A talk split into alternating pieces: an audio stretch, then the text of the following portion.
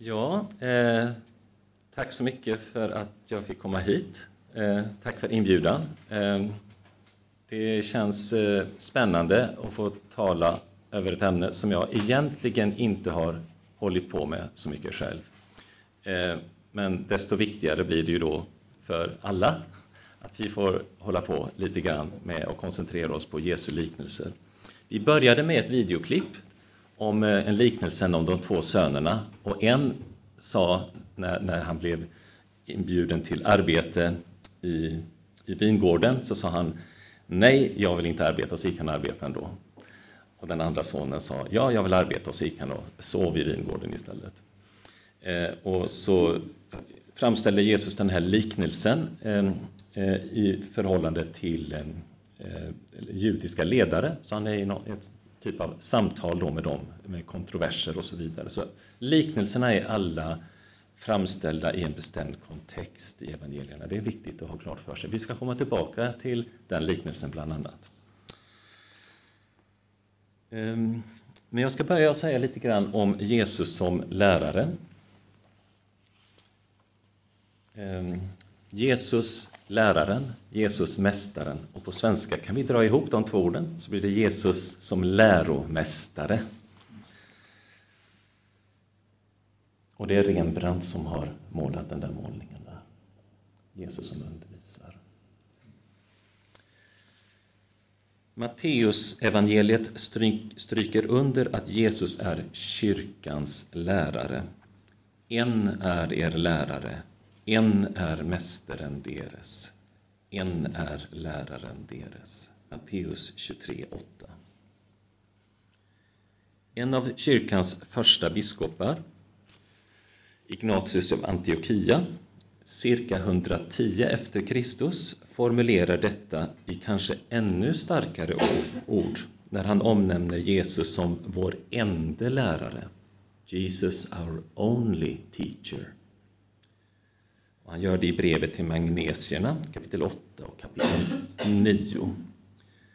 Jag tänker att detta ord av biskop Ignatius runt år 110, när han är på väg till martyriet i Rom, han ska som biskop ätas upp av lejonen. Han skriver om detta i sina brev. Men han framställer Jesus som den enda läraren i ett av sina brev på väg till martyriet. Och jag tänker mig att han säger det här i en kontext av alla filosofskolorna som fanns där i romarriket och i den grekisk-romerska kontexten och i sammanhang också av alla judiska skolor som fanns. Av alla lärare i den antika världen hävdar här de första kristna genom Ignatius att Jesus är den enda läraren, den enda läromästaren. Två saker är värda att notera. För det första, Jesus är lärare, eller läromästare, didaskalos på grekiska, som är besläktat med ordet didaktik, hur man gör när man undervisar och så vidare.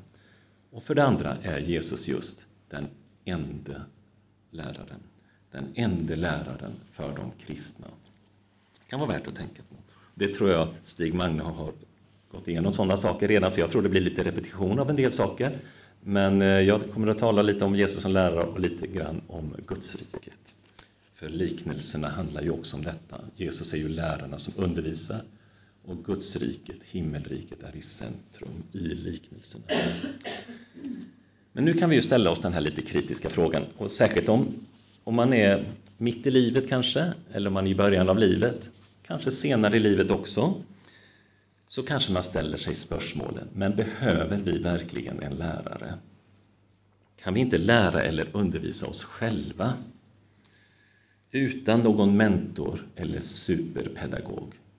Behöver vi de här liknelserna? Vi kanske inte är så bekanta med dem, i vilket fall måste vi ha det här materialet. Har vi inte själva tillgång till sanningen? I oss själva en sanning som vi kan hämta fram eller komma fram till på egen hand. Så som Sokrates, Platon och de gamla filosoferna menade. Att vi i själva verket hade sanningen inneboende i oss. Och att det bara behövs en person, egentligen vilken person som helst, som kan hjälpa oss att föda fram denna sanning. Det som behövs, som Sokrates och Platon menade, var en sorts barnmorska, en jordmor, eller på grekiska en majevtiker, som kunde hjälpa oss att själva komma fram till sanningen som redan finns egentligen i oss. Det kunde vara en matematisk sanning eller en moralisk sanning. Och en del av det där har vi ju faktiskt i oss.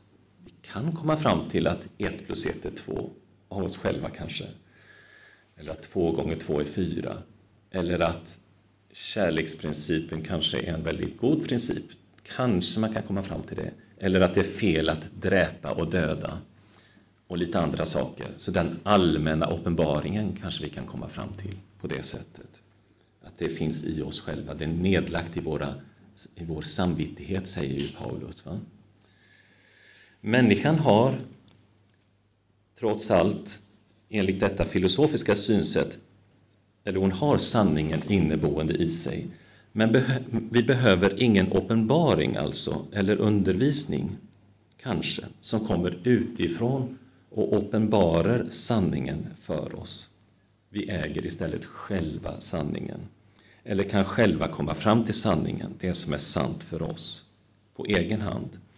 Eventuellt med hjälp av en sorts jordmor, en dialogpartner som hjälper till att föda fram sanningen som redan finns hos oss. Men har filosofin rätt på den här punkten? Och filosofin har under 1800-1800 år kanske haft den här synen på sann moral och hur vi kan leva vårt liv på ett rätt sätt. Praktisk filosofi har varit upptagen av detta. Och det är ju väldigt aktuellt i en postmodern tid, som vi kallar vår egen tid ibland, att var och en kan komma fram till sanning på egen hand. Men har filosofin rätt på den här punkten? Kan människan själv komma fram till den avgörande sanningen som hon sedan kan bygga sitt liv på?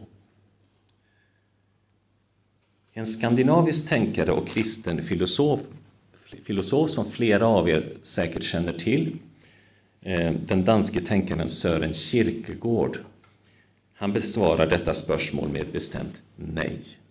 Vi behöver uppenbaring. Vi behöver sanningen som kommer utifrån. Vi har inte tillgång till den avgörande sanningen genom oss själva eller i oss själva, säger Kierkegaard. Den sanning som går utöver den allmänna uppenbarelsen allmänna uppenbaringen som Sokrates fokuserade på. Tvärtom, vi är alla syndare. Vi kommer alla till korta inför det Gud förväntar sig av oss. Paulus skriver om det i Romarbrevet 3 och även i evangeliet är det helt klart att disciplerna inte klarar sig själva särskilt bra. Det blir särskilt tydligt i Markus evangeliet där de är lite irrar omkring, disciplerna, de förstår inte riktigt då och så vidare. Vi har alltså förlorat mycket av den upprinnelige kontakten med sanningen i relation till vår skapare, till Gud. Vi har avfallit från sanningen. Vi behöver hjälp för att på nytt komma, kunna komma i en god relation till sanningen. Vi behöver undervisning. Vi behöver upprättelse, försoning, ja till och med frälsning säger faktiskt Kierkegaard i sin bok Filosofiska smulor från 1800, 1844. Ehm, och det är en väldigt fin bok. Det är ett tankeexperiment där Kierkegaard först framställer den filosofiska synen på sanning och sen den kristna motpolen till det. Väldigt spännande. Först behöver det bli klart och uppenbart för oss Först behöver det uppenbaras för oss att vi faktiskt är syndare som avfallit från det goda, fallt från det goda. Kierkegaard säger till och med att detta måste egentligen uppenbaras för oss också, att vi på djupet är syndare. Inte ens det har vi klart för oss. Särskilt inte det kanske. Fallt fra det gode, fallt fra den gode guden och hans goda skapar tankar med oss. Sedan behöver vi undervisning, upprättelse, försoning och frälsning. Jesus från Nasaret, som hela Nya testamentet och skriften talar om, är denna person som kan hjälpa oss ur vårt dilemma. I vilket fall som helst så är Nya Testamentet eh, den skrift som framställer Jesus som den person som är svaret på alla de här frågorna. Undervisning, upprättelse, försoning och frälsning. Och den som håller oss i handen när vi vandrar genom livet. För även om vi har lärt oss saker, vi lär oss någonting om liknelserna, vi får undervisning, så räcker inte ens det. Utan vi behöver någon som håller oss i handen när vi ska vandra också. Och då finns Jesus också där som en hjälpare. Han är försonare med stort F. Han är frälsaren med stort F. Han är mästaren med stort M. Och han är läraren med stort L. Och han samarbetar tätt ihop med den helige Ande och med Gudfadern. De är alltid tre som verkar i en gudomsperson.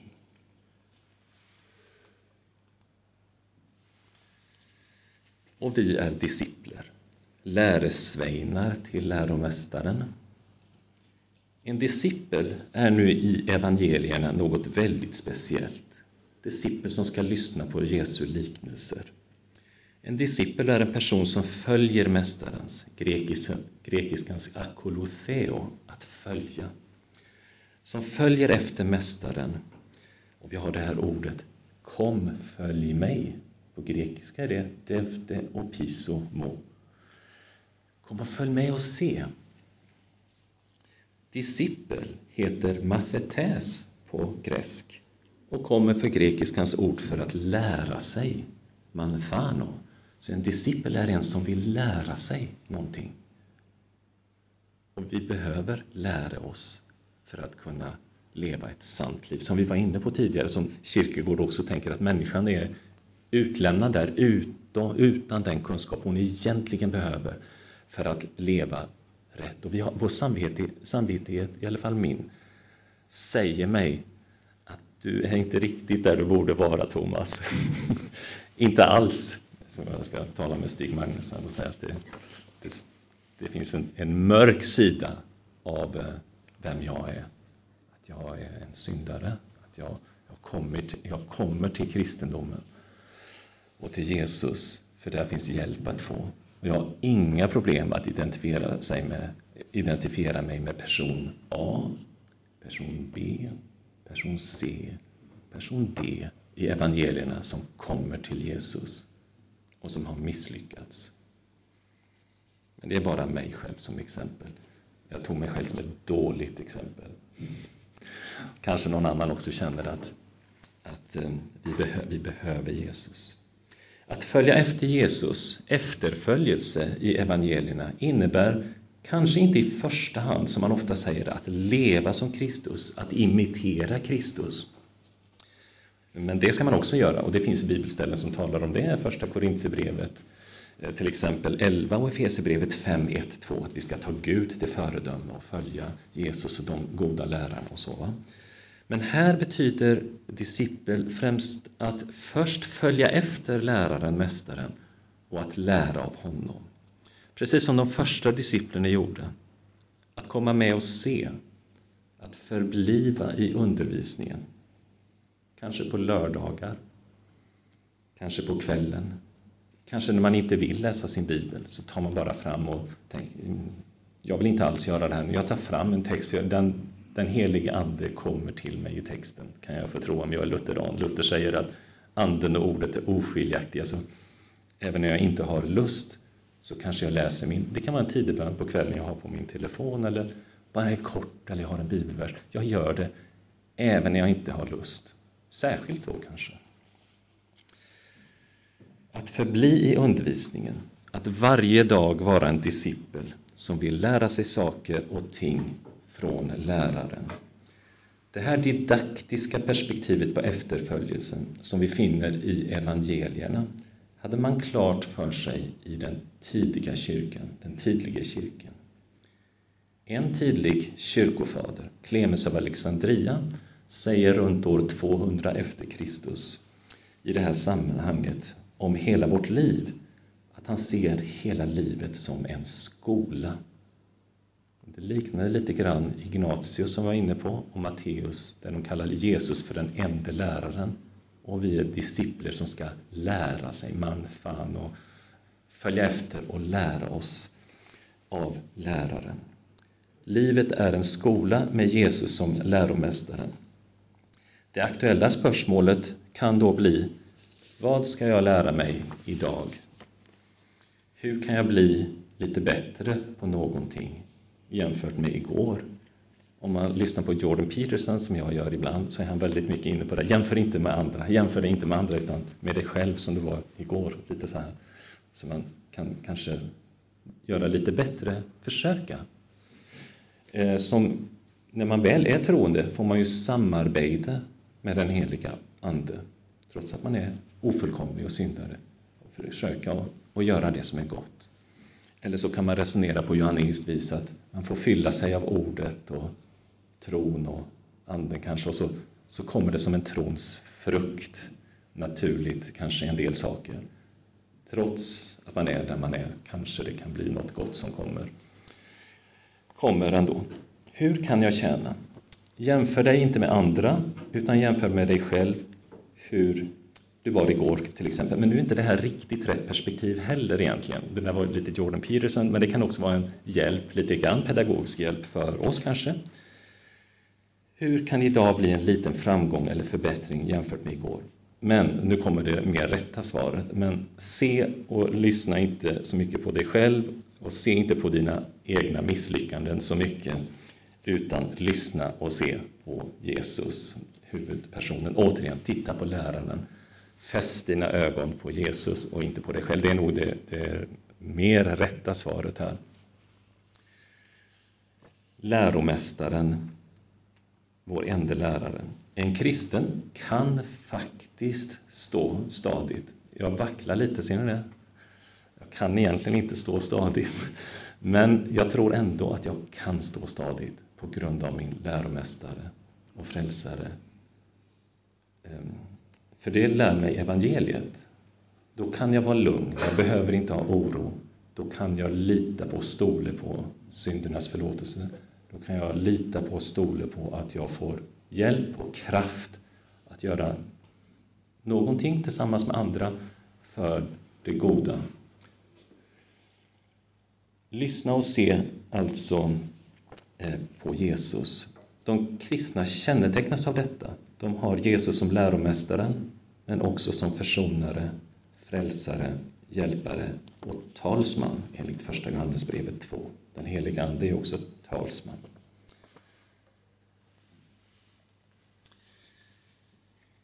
In, introduktion till Jesu liknelser. Under de här två timmarna som jag får lov att säga några ord Eh, ska vi försöka lära oss vad det innebär att lära av Jesus. Och vi har nog kommit fram till att det är viktigt att vi lär oss av Jesus, det vill jag säga liksom tidigare. Att vi behöver undervisning av den enda läraren. När han undervisar, och särskilt när han undervisar i liknelser. Många Jesusforskare som är kritiska till en del eller mycket av materialet om Jesus i vårt Nya Testamente. En del kan säga, som är mer radikala, de kan till exempel säga att endast 16, 17, 18 procent av det Jesus har sagt i evangelierna är helt säkert historiskt äkta. Väldigt mycket kritisk forskning där ute som vi kan läsa om i tidningar eller titta på BBC eller på TV om och så. Det görs mycket kritiska framställningar av Jesus. Men de, här, de flesta kritiska forskare är ändå säkra på en sak. Jag delar inte de här kritiska forskarnas syn förresten. Eh, eh, jag är traditionellt kristen och vill vara traditionellt kristen. Eh, det betyder att jag tror att Bibeln är Guds ord och så vidare. Och det tror de stora och goda kyrkorna. Va? Men de här kritiska forskarna de är ändå säkra på en sak för det mesta här, nämligen att det går att påvisa historiskt att Jesus var en känd, karismatisk och retoriskt skicklig lärare och pedagog som i sin undervisning ofta använde sig av liknelser. Det handlar för dem och för de flesta uttolkare inom kyrkohistorien om historiska fakta. Att Jesus faktiskt har använt sig av denna judiska och gammaltestamentliga form att undervisa som vi brukar kalla liknelser eller parabler.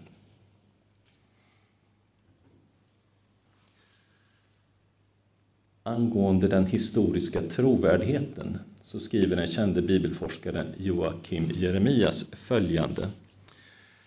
Jesu liknelser innebär något helt nytt. Även om man knyter an till en gammaltestamentlig och gammal form att undervisa i liknelser så gör han det på ett unikt sätt. Han kommer med något helt nytt. Ingen enda liknelse med undantag för två bilder hos rabbi Hillel är känd från den rabbinska litteraturen före Jesu tid. Om vi till detta lägger att de synoptiska liknelserna i jämförelse med omvärldens, till exempel aposteln Paulus bildspråk eller rabbinernas liknelser, uppvisar en utpräglad personlig egenart, en enastående klarhet och ett oerhört mästerskap i utgestaltningen, så blir vi tvingade att dra den slutsatsen att vi har att göra med en särskilt trovärdig tradition. Vi befinner oss i Jesu omedelbara närhet när vi läser hans liknelser. När det handlar om vad vi utifrån kritisk historisk metod kan veta om Jesus från Nasaret är det i tillägg som den kände kritiske Jesusforskaren E.P. Sanders säger, och han tror inte på mirakler till exempel. E.P. Sanders är en kritisk forskare, och det tror jag Johanna kan ha stött på honom när vi har haft undervisning på NLA. Så E.P. Sanders han har ändå en lång lista över saker i Jesu liv som vi kan vara säkra på att de har hänt. Eh, att Jesus undervisade till exempel och att han, han samlade discipler och så vidare. Och att Guds rikestanken är centrum i hans undervisning. Så jag brukar säga till studenter jag undervisar att det som historisk forskning om Jesus är överens om som säkra historiska fakta är mer eller mindre detsamma som huvudpunkterna om Jesus som vi har i Markus evangeliet.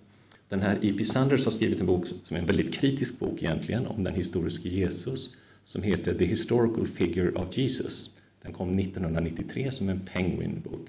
The Historical Figure of Jesus. I den boken så har han på sidorna, tror det är 9 till 11 ungefär i boken i början, så räknar han upp en massa saker som man betraktar som historiska fakta om Jesu liv. Och då har man ju hela skelettet till Markus evangeliet, tänker jag, i detta historiska framställningssätt. Så det är ganska intressant hur en kritisk forskare, som inte tror på underverk i och för sig, men han beskriver ändå huvudpunkterna i evangeliet där, som historiska forskare menar ändå är helt faktiska. Och liknelserna är någonting som forskare tänker att det här kan vi stole på, det här är, är till och med utifrån en kritisk synpunkt så kan man tänka att detta har Jesus sagt och så här har han undervisat. Allt som allt så har vi cirka 40 liknelser som består av bildspråk och narrativ framställning. Och Jesus han är känd för att använda då eh, liknelser och parabler. Och vi har ungefär 21 av dem i Matteus, man kan räkna på lite olika sätt. 5 i Markus, 29 i Lukas och de överlappar också lite grann med varandra. Så en liknelse kan förekomma i olika evangelier. Bildspråk används nu också i Johannesevangeliet. Så även Johannesevangeliet speglar Jesus sätt att tala i bildspråk. Och vi har till exempel eh, Johannes 10. Den som icke går in till saueflocken genom porten men klättrar över ett annat städ, han är en tyv och en röver. Så då kan vi tänka att Johannes har också fångat upp Jesus sätt att tala i bilder. Och det bekräftar ju då trovärdigheten att det var Jesus sätt att, att framställa eh, sitt budskap i bildspråk. Och även Johannes stämmer överens med synoptikerna på många ställen vad gäller såna, den tendensen hos Jesus. I liknelserna så använder sig Jesus då eh, huvudsakligen antingen av bildspråk eller huvudsakligen av en berättande framställning. Ofta i kombination blir det ju faktiskt. Till exempel huvudsakligen bildspråk har vi i den första punkten där ett exempel från Matteus 13. Himmelriket är likt ett senapsfrö som en man tog och sådde i åkern sin. En bild av senapsfröet och vad det kommer att kunna bli. Det är inte bara senapsfröet i sig som liknas vid himmelriket, utan är vad, eh, vad det också kan bli när det sås. Liksom hela framställningen är det som liknas vid himmelriket. Och mer berättande fokus finns i Matteus 13, 24-25. Jesus la fram för dem en annan liknelse och sa Himmelriket kan sammanliknas med en man som hade sått god korn i åkern sin och medan alla sov kom fienden hans och sådde ugräs bland veten och gick sin väg. Om vi nu ska vara lite existentiellt involverade här själva kan det vara så att man kan känna av även eh, som, eh, som personlig troende att det blir sått hela tiden eh, sånt som inte är den goda säden in i eh, vi läser kanske Bibeln och då sås det något gott, men vi tar också andra intryck och det, det kan bli mycket kampmotiv och det, som, som kommer in för den enskilde. Men här är det ju då en, en, en större sak som Jesus berättar om, om ordet som sås ut och sen kommer en ond makt och sår något annat i världen. Och världen liknas kanske här vid en åker då. Och då, då gäller det ju att det är den goda säden som får växa till. Men här finns mycket existentiella kampmotiv, mycket andliga kampmotiv som finns inbakade i liknelserna. Hur är då liknelsen uppbyggd? Kärnan eh, av liknelsen består i princip av ett kärnord eller en liten berättelse, en utvidgad bild som senapskornet som sås och som får växa till ett väldigt litet korn som får växa till och bli stort. Men den här kärnbilden får vara där för att belysa någonting annat. Eh, eh, den belyser någonting annat då. Senapskornet belyser vad himmelriket kan vara som. Himmelriket är likt, eller vad ska jag likna detta vid? Det är likt, och så vidare. Ibland följs den lilla berättelsen också av en tydning. Så är det också. Så ska det också bli, till exempel vid tidens slut. Så ska det också bli vid tidens ände. Ibland kommer efteråt en sån här förklaring och skild från berättelsen en självständig tydning och ibland resulterar berättelsen i ett spörsmål. Och ofta är hela liknelsen eh, ställd som ett spörsmål. Liknelseberättelsen vill belysa någonting i betydelsen lysa upp det, illuminera. Det handlar alltså inte om information primärt, utan att det ska klargöras någonting, så man blir, förstår någonting, kanske någonting blir klarare för en. Liknelserna lyser upp något för att få åhörarna att inse vad saken gäller, bli införstådda med det som sägs och därför också handla därefter, att göra. Att höra och att göra. Och nu ser ni att jag använder mig lite grann av god litteratur om det här. Eh, jag känner mig inte som expert på en, mycket av det här själv, så jag har läst Joakim Jeremias lite grann, jag har läst Birger Gerhardsson och jag har läst eh Eh, Snodgrass och eh, Blomberg och lite andra sådana här eh, forskare som vi ofta gör. Och ibland har jag också egna perspektiv som jag kommer med från det som jag sysslar med. med. Vad är då en liknelse? Vad är en liknelse i de synoptiska, synoptiska evangelierna? Det är viktigt, måste vi observera först, att försöka finna grundbetydelsen i varje liknelse. För går man in för mycket på detaljer så kan det snart bli lite märkliga tolkningar. Gud kan bli väldigt märklig om man tänker att Gud är Fadern i en bild, och, eller Gud är, är, är, är någon huvudperson i, i, bilden som, som gör olika saker. Om man går in för mycket på detaljer så kan det bli en förvrängd gudsbild. Så det, det gäller att få fram huvudbetydelsen. Viktigt att finna grundbetydelsen i varje liknelse. Och liknelserna de kan klassificeras i olika typer. Nu vet jag inte om ni kan se, det är ganska liten text där. Va? Men eh, olika typer då som liknelserna kan klassificeras i är följande. Ett par av liknelserna i evangelierna är explicit eller uttryckligen allegorier. De är alltså bilder för någonting annat. Till exempel eh, liknelsen om såningsmannen och liknelsen om ogräset. Där fröet som sås är ordet, fåglarna som kommer och tar bort fröet som hamnar på, är det på stigen, det är då Satan som kommer att ta bort det. När det har såtts ordet så kommer Satan direkt att ta bort det. Ehm, och i Matteus 13 så är den som sår faktiskt Människosonen. Det är ju Jesus själv. Så det som Jesus, han, helt plötsligt involverar han sig själv direkt in i en liknelse i Matteus 13. Eh, Människosonen, det är ett väldigt intressant ställe där i Matteus. Åkern är sedan världen och så vidare. Så ett par av liknelserna är uttryckligen allegorier. Andra av liknelserna är helt korta och fungerar mer som idéer till liknelser. De är inte fullt utvecklade liknelser, utan mer som idéer till liknelser. För en predikant till exempel. Så lite korta framställningar. Eh, de är inte liknelser i egentlig mening. Till exempel Matteus 15. En ver plante som icke min himmelske far har plantet skall ryckes upp med rot. Jesus talar i en sån, en sån liknelseframställning och den kan då kanske använda till en, användas till en vidare predikan eller förkunnelse. Andra liknelser är korta anekdoter som fungerar som predikoillustrationer. Och vi kan jämföra eh, då liknelsen om den rike bonden i Lukas 12 och varningen som finns där. Bonden som vill bygga lador och, och, och, så vidare. Varning för rikedom som finns där. Men det är en kort framställning som kan användas då som predikoillustration mer än att det är en fullt ut utvecklad liknelse. Ytterligare andra liknelser är faktiskt inte till hjälp för att förklara eller upplysa oss. Utan eh, de, de hjälper oss inte att förstå en vansklig sak utan de komplicerar istället saken, kan man säga.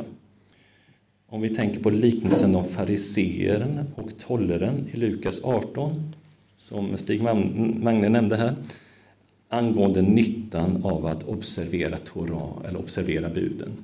Farisén, den skriftlärde farisén där, han, han hade ju följt lagen, loven, men publikanen, syndaren, hade inte gjort det. Men den som gick rättfärdig bort var ju inte farisén. Så där, där ställs saker upside down, man vänder upp och ner på perspektiv.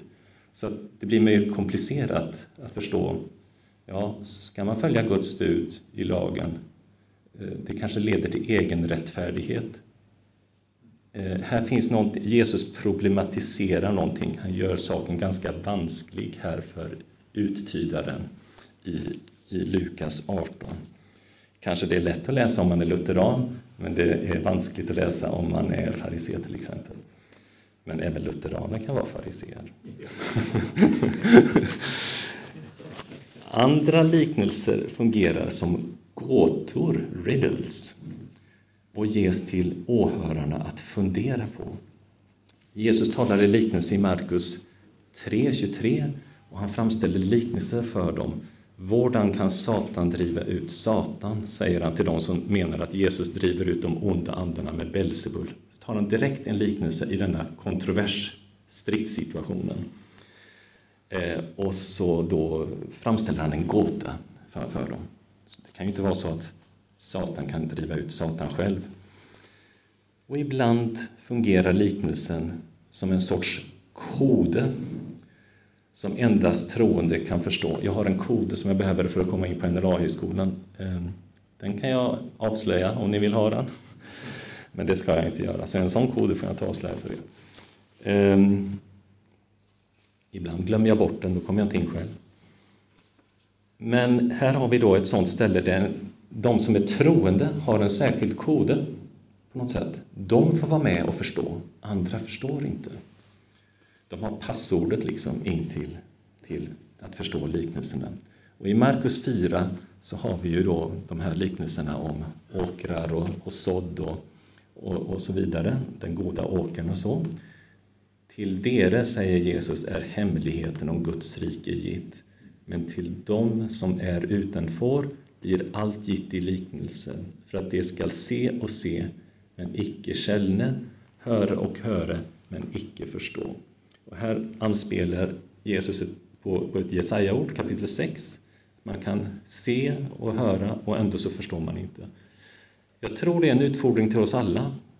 Jag tror att liknelserna, vi alla kallade till att existentiellt bjudas in, lyssna på liknelserna och få brottas. Har jag förstått? Är det så att jag bara hör och hör utan att riktigt förstå? Är det så att jag ser, jag kan se en videosnutt eller jag ser andra goda kristna och tar intryck av dem, men jag förstår ändå inte. Kanske jag misslyckas. Till exempel om jag är lutheran. Jag besökte en luthersk professor för 20 år sedan, 15 år sedan var det kanske, och hans eh, professors professorsfru.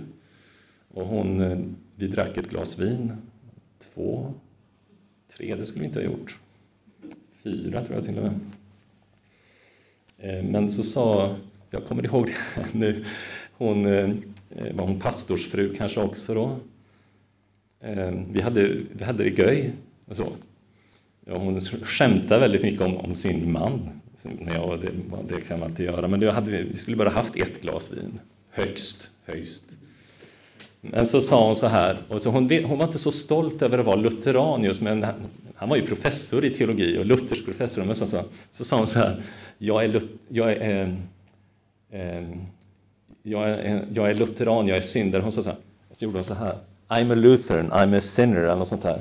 Eh, eller något, det var liksom en väldigt så här nedlåtande kommentar på något sätt. Hon var inte så stolt över att vara lutheran. Men lutheraner, de har ju det här perspektivet att de, de vet, det är alltid betoning på att vi misslyckas, vi är aldrig fullkomliga. Så bergpräken, som du har talat om tidigare, har ju som ett huvudbudskap att ni ska vara fullkomliga, perfekta, så som er himmelske fader i himlen är fullkomlig och perfekt. Det är målet. Efesierbrevet 5 tar Gud själv till föredöme. Eller undervisningen som kommer ur den här djupa gammaltestamentliga texten i Jeremia 31 om det nya förbundet. Hela Nya testamentet är genomsyrat av den här Jeremia-texten om det nya förbundet då lagen, loven ska läggas i hjärtat va? och synderna ska förlåtas och något nytt ska komma. Ehm, den är som en surdeg, den här texten i hela Nya testamentet, som får genomsyra hela. Ehm, men trots detta så finns en förståelse av att den aspekten av Jeremia-texten där som handlar om förlåtelse är helt nödvändig. Eh, så lutheraner kan ha något gott att bidra där till eh, den här eh, till hela det här dramat då som är frälsningsdramat. Ja, det var lite olika typer av vad en liknelse kan vara, lite olika aspekter av det. Ehm, ska jag säga lite grann till innan vi tar paus? Ja, så då kan jag säga lite grann ehm, till kanske.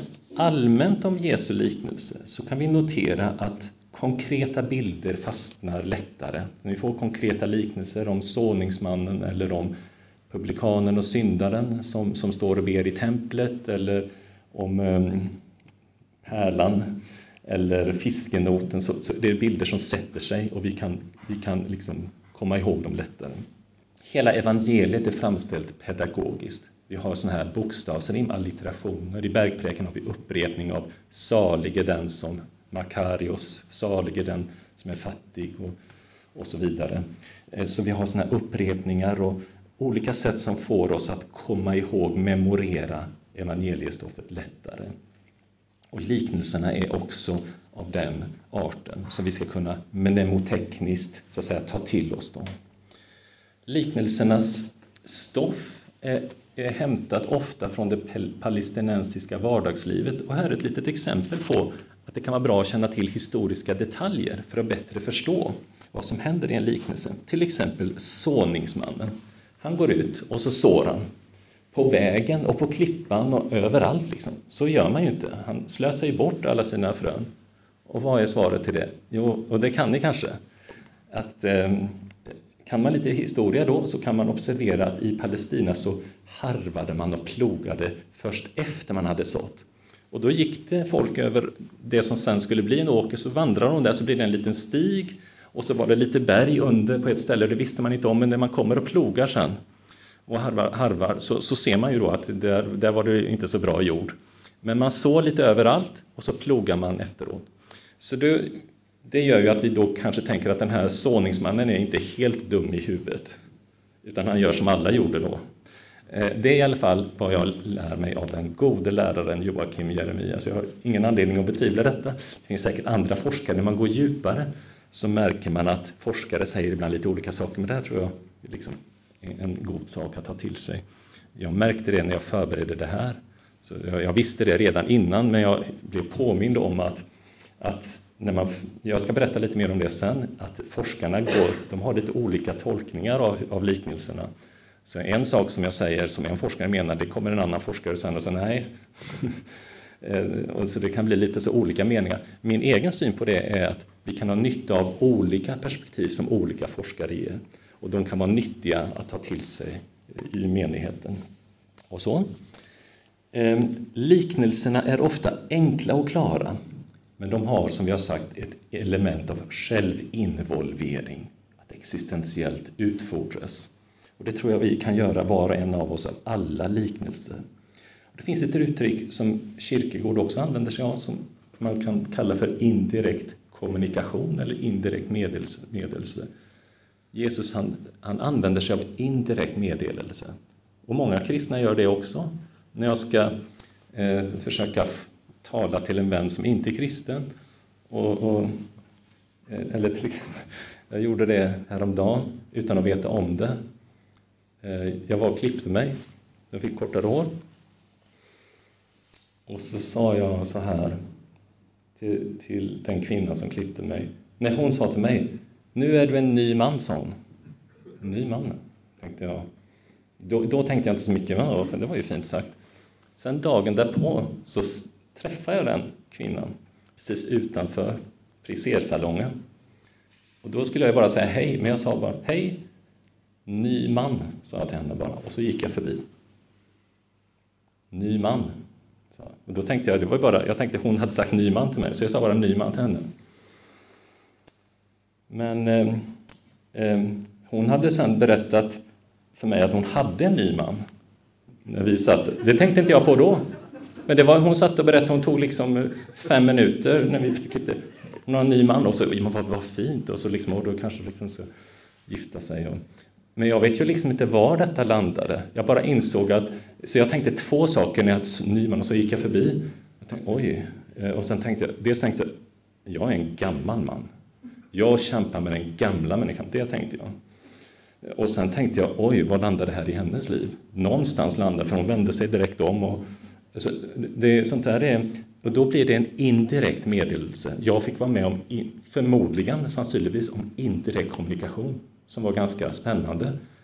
Det kanske inte landar någonstans, det vet jag inte, men jag bara vet att det var, vi snackar ju på olika plan om saker och ting.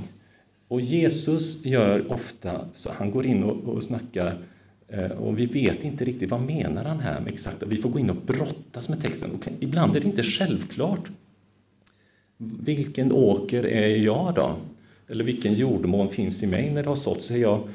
Finns det tistlar här eller ja, jag ska prata med någon vis man och så kommer man fram till så går man i kärlekssorg kanske. Det kan vara väldigt gott att göra det. Man går och man tar tag. Nej, men jag vill veta nu hur, jag vill försöka komma till rätta med saker och så träffar man en broder eller syster och man tar det där steget och börjar jobba med saker kanske. Eller så läser man, man tänker att, som Luther säger, att ora ett labora, säger man, bed, ora och labor, bed och arbeta, det, det, är ett gott utgångsläge för den kristne, för då kommer man alltid i kontakt med själavårdstips och goda ord. Jag läser inte, både evangelierna, jag läser inte bara evangelierna och liknelserna, jag kommer till och med att läsa texter som Efesierbrevet och, och andra brev. Så att hela tiden ha bibelordet där umgås med gör att jag kommer i kontakt med, tror vi, va? Guds tilltal in i mitt liv just nu när den enskilde får läsa Guds ord så blir det ett Guds ord som förstås och landar på ett unikt sätt alltid i den enskildes liv. Och Jesus har väldigt mycket av en sån, ett sånt program va, när han pratar i liknelser. Det är inte bara det, här har vi dogmatiken som framställs till, till dig, det här är den rätta läran. Nej, det är det också. Och det kommer vi till, tror jag, nästa timme. Vad liknelserna innehåller för lära. om man kan sammanfatta det. Men han har också, nu inbjuder jag dig att brottas direkt med mig och med Guds budskap i de här liknelserna som fokuserar på det oändliga Gudsriket. Så vi inbjuds då till en fantastisk måltid, men också till kampaspekter, till vanskliga saker som handlar om synd och liv och död och om hela livets mening kanske. Så det är inte så lätt. Eh, det är inte så lätt. Men vi kanske ska stanna där då.